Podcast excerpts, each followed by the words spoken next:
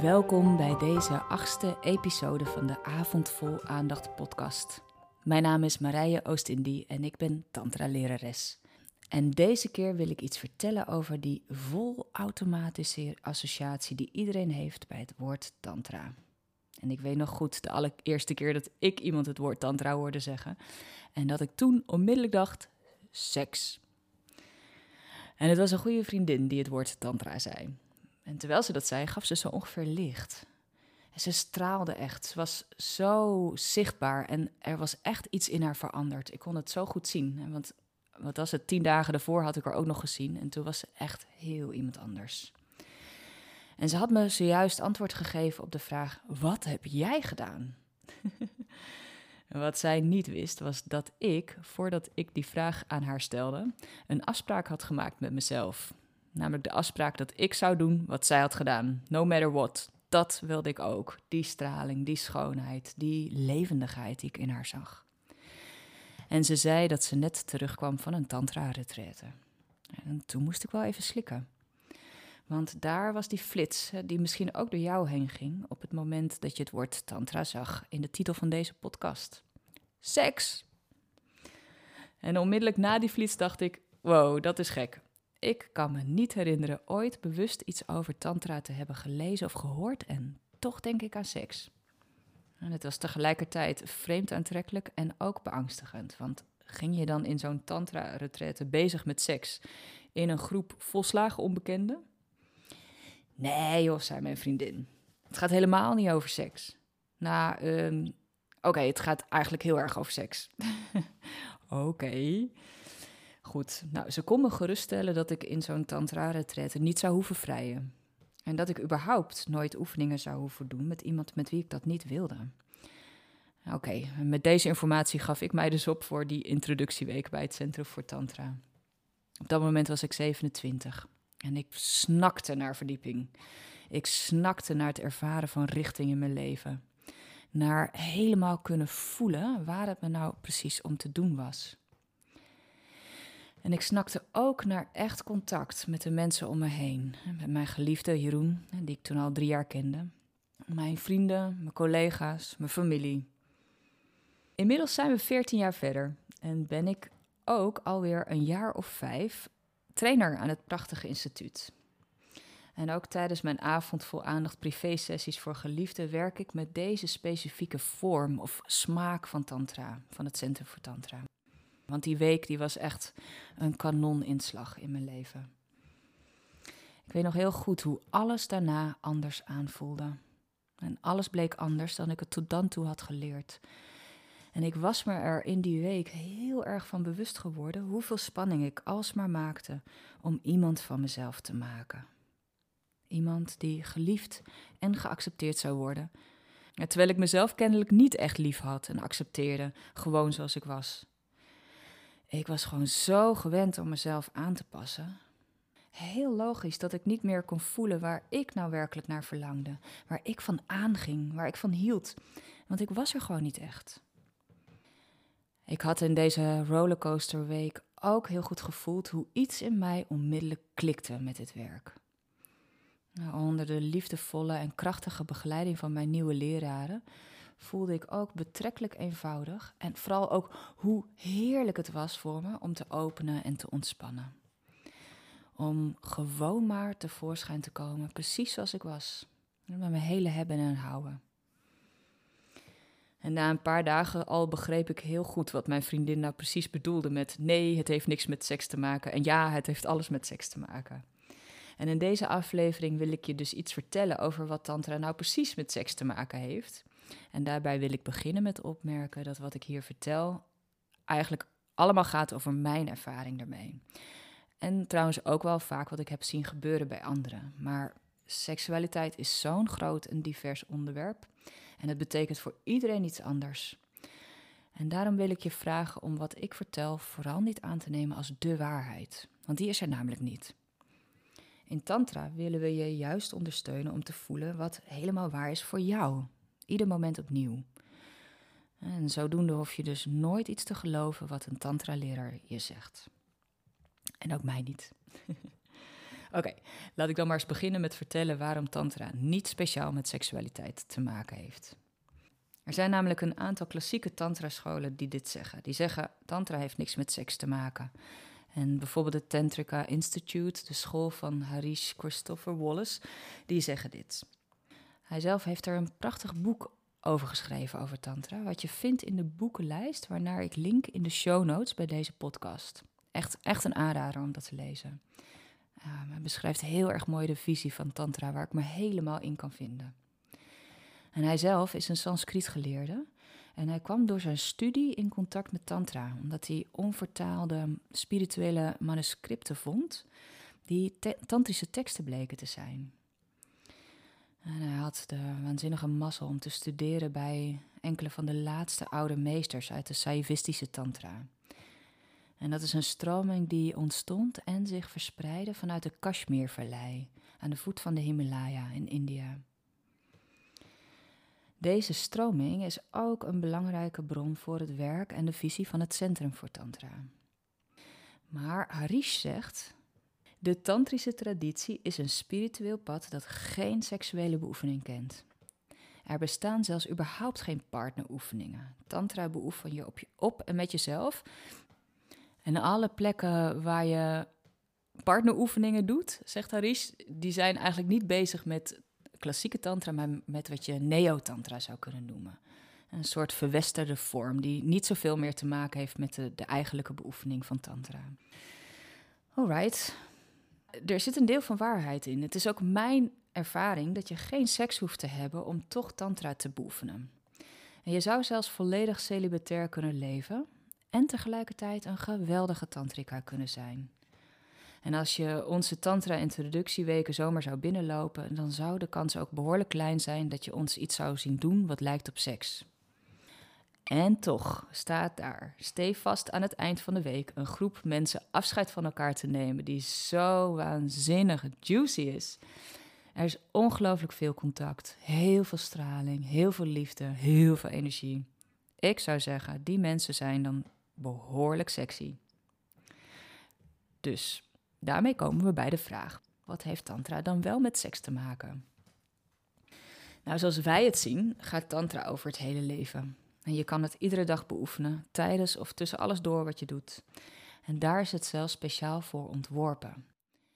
Het is gemaakt voor mensen met een leven, ja, om te beoefenen in het leven zelf. En seks is onderdeel van het leven. En we zijn elke dag wel een keer bezig met seks, ofwel door te doen, ofwel door erover na te denken. En misschien wel met name dat laatste. Uh, en seks is niet een gewoon onderdeel van het leven. Het heeft echt onze speciale interesse. En of je het nou veel doet of helemaal nooit, seks is en blijft het thema in ieders leven. En klassieke tantra kent in mijn ogen wel een aantal seksuele beoefeningen. Een ander boek op mijn boekenlijst heet Passionate Enlightenment: Women in Tantric Buddhism.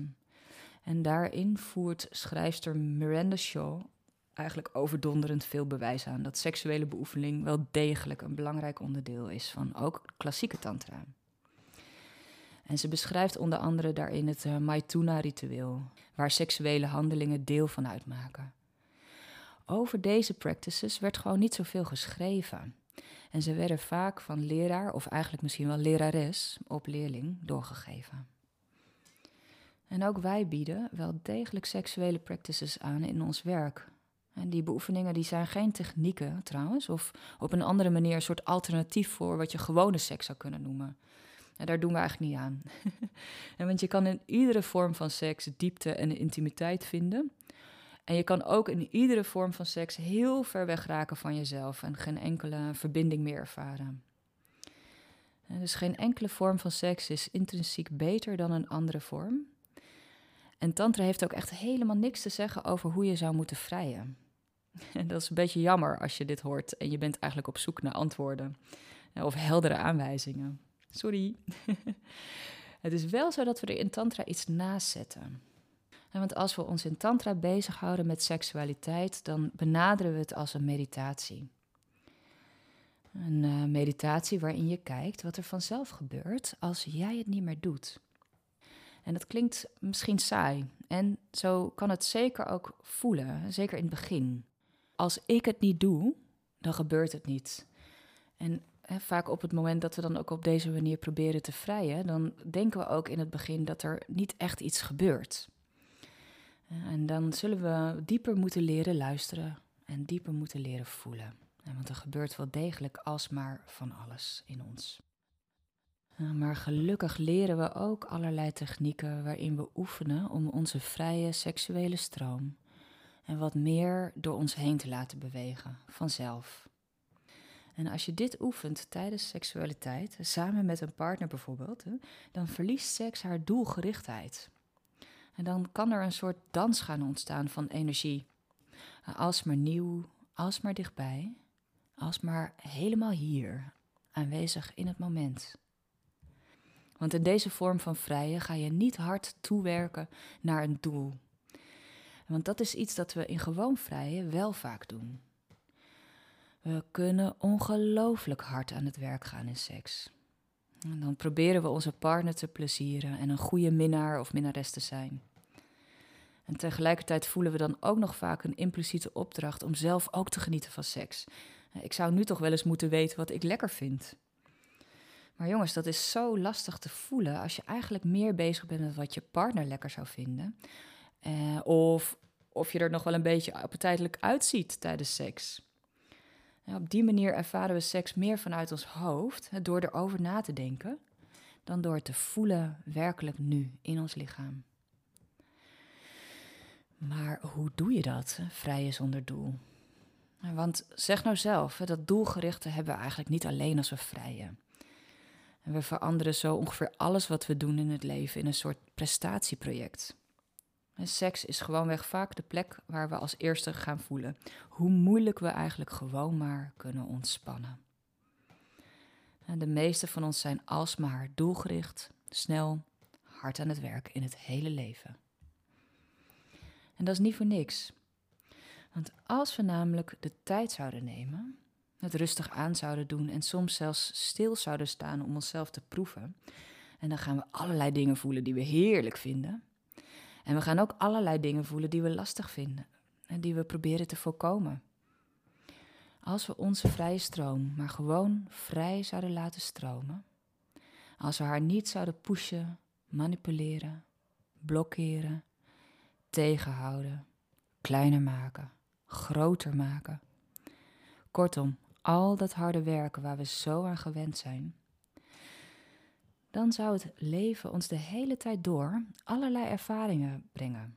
Die vanzelf verschijnen, die hun verloop hebben, happenen als het ware, en die uiteindelijk dan ook weer zullen verdwijnen.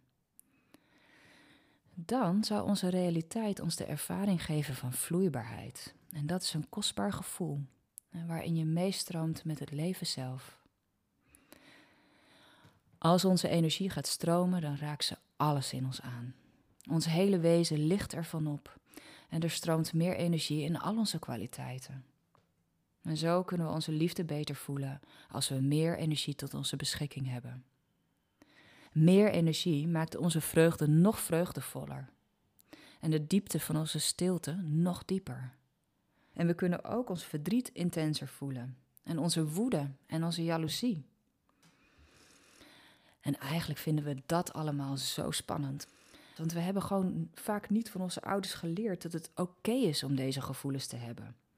En dat ze er gewoon zijn, in ieder mens, helemaal vanzelf, in zichzelf, niet goed of fout. En dat je ze niet hoeft te onderdrukken, maar dat je ze ook kunt toelaten, terwijl je aanwezig blijft. Dat is niet makkelijk, maar het kan wel. Zelfs als je je volle woede gaat voelen, hoeft er helemaal niks kapot, hoef je niemand pijn te doen, want je blijft gewoon aanwezig. Je blijft jezelf voelen terwijl je ook je woede toelaat. En zelfs al je cellen woedend zijn. En uiteindelijk verandert die woede bijna altijd in iets wat je pure kracht zou kunnen noemen. En de kracht om op te komen tegen het onrecht dat je ervaarde en dat die woede helemaal vanzelf in je wakker maakte. Precies wat je nodig hebt. En datzelfde geldt voor verdriet, waarover ik een hele podcast heb gemaakt die heet hoe meer tranen, hoe meer vreugd. en misschien herken je wel iets van mijn ervaring van vroeger. Ik schaamde me altijd gigantisch voor mijn, wat ik toen nog gejank noemde.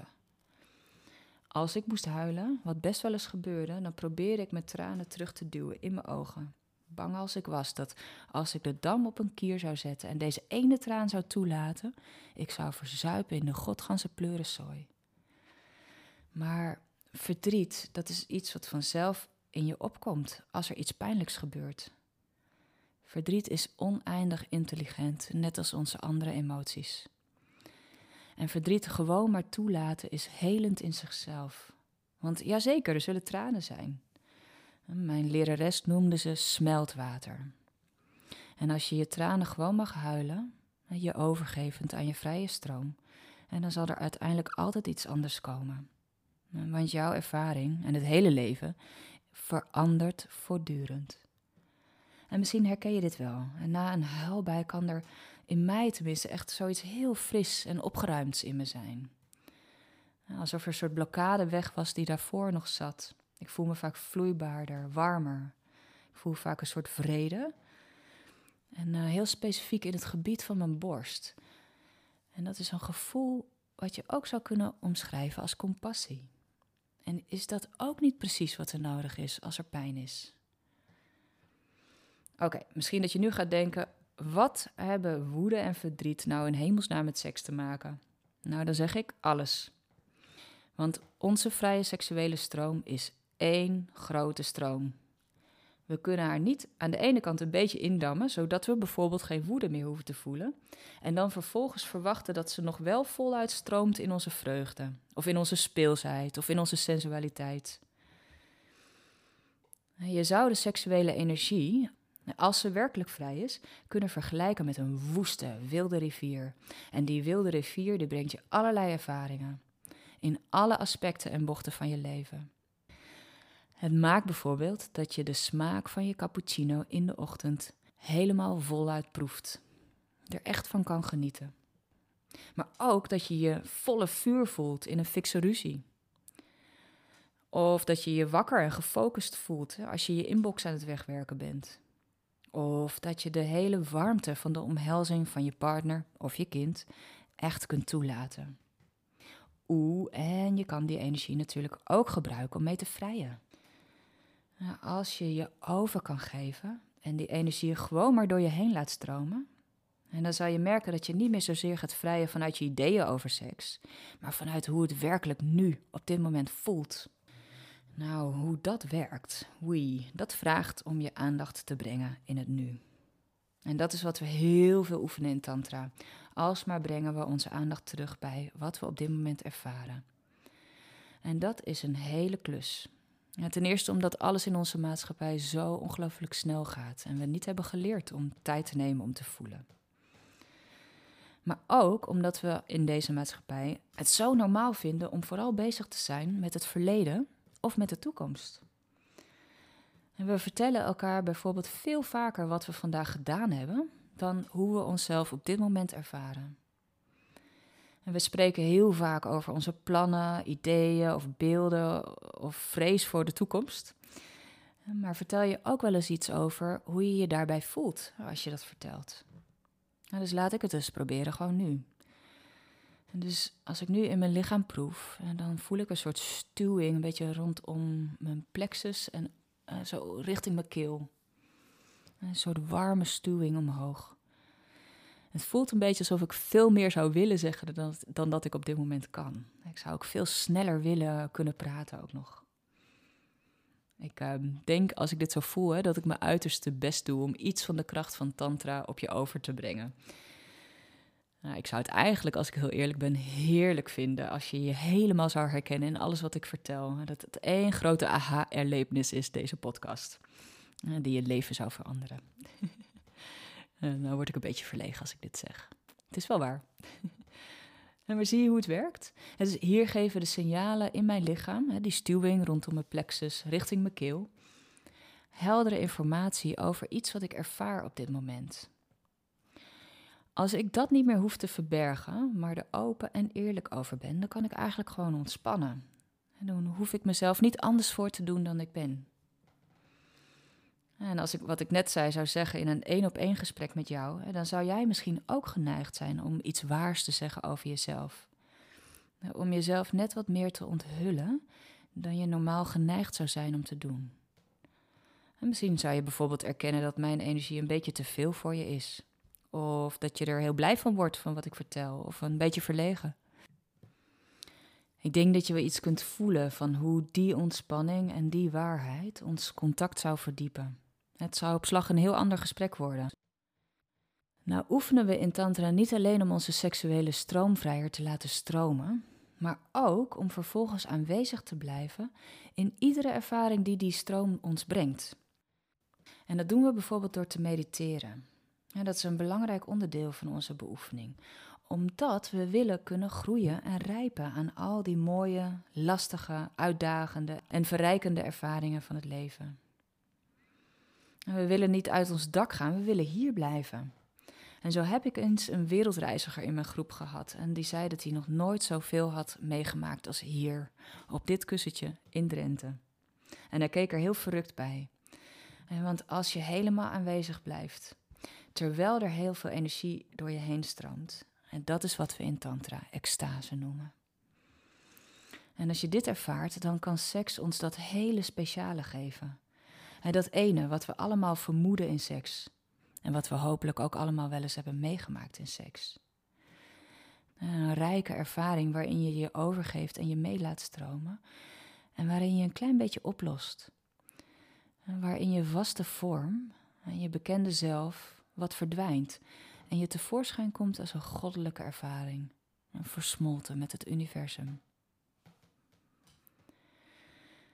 Als je leert hoe je kunt overgeven in seksualiteit, dan zal je zeer waarschijnlijk merken dat het ook een groot effect heeft in de rest van je leven. En want niet alleen in seks kun je intunen op je lichaam, gevoelig worden voor haar wijsheid en voelen welke kant je vrije stroom uit wil. loslaten in die stroom, dat betekent dat je meestroomt met alle gebeurtenissen en ervaringen in het leven en het effect ervan op jou toelaat zodat je groeit en rijpt aan alles wat je meemaakt. Niet altijd makkelijk, ook niet altijd maar mooi of leuk, maar wel heel waar en heel vervullend en verrijkend. Zo, nou, en hiermee komen we aan het eind van deze episode over Tantra en seks. Ik hoop dat ik een beetje indruk op je heb gemaakt. En als je vragen hebt, verzoekjes om een bepaald thema te behandelen in een volgende podcast, voel je je dan alsjeblieft vrij om me te mailen. En dat kan via marije.avondvolaandacht.nl. Marije met een lange ei. En wil je zelf thuis iets ervaren van Tantra? Dan nodig ik je van harte uit om mijn gratis partneroefening te downloaden.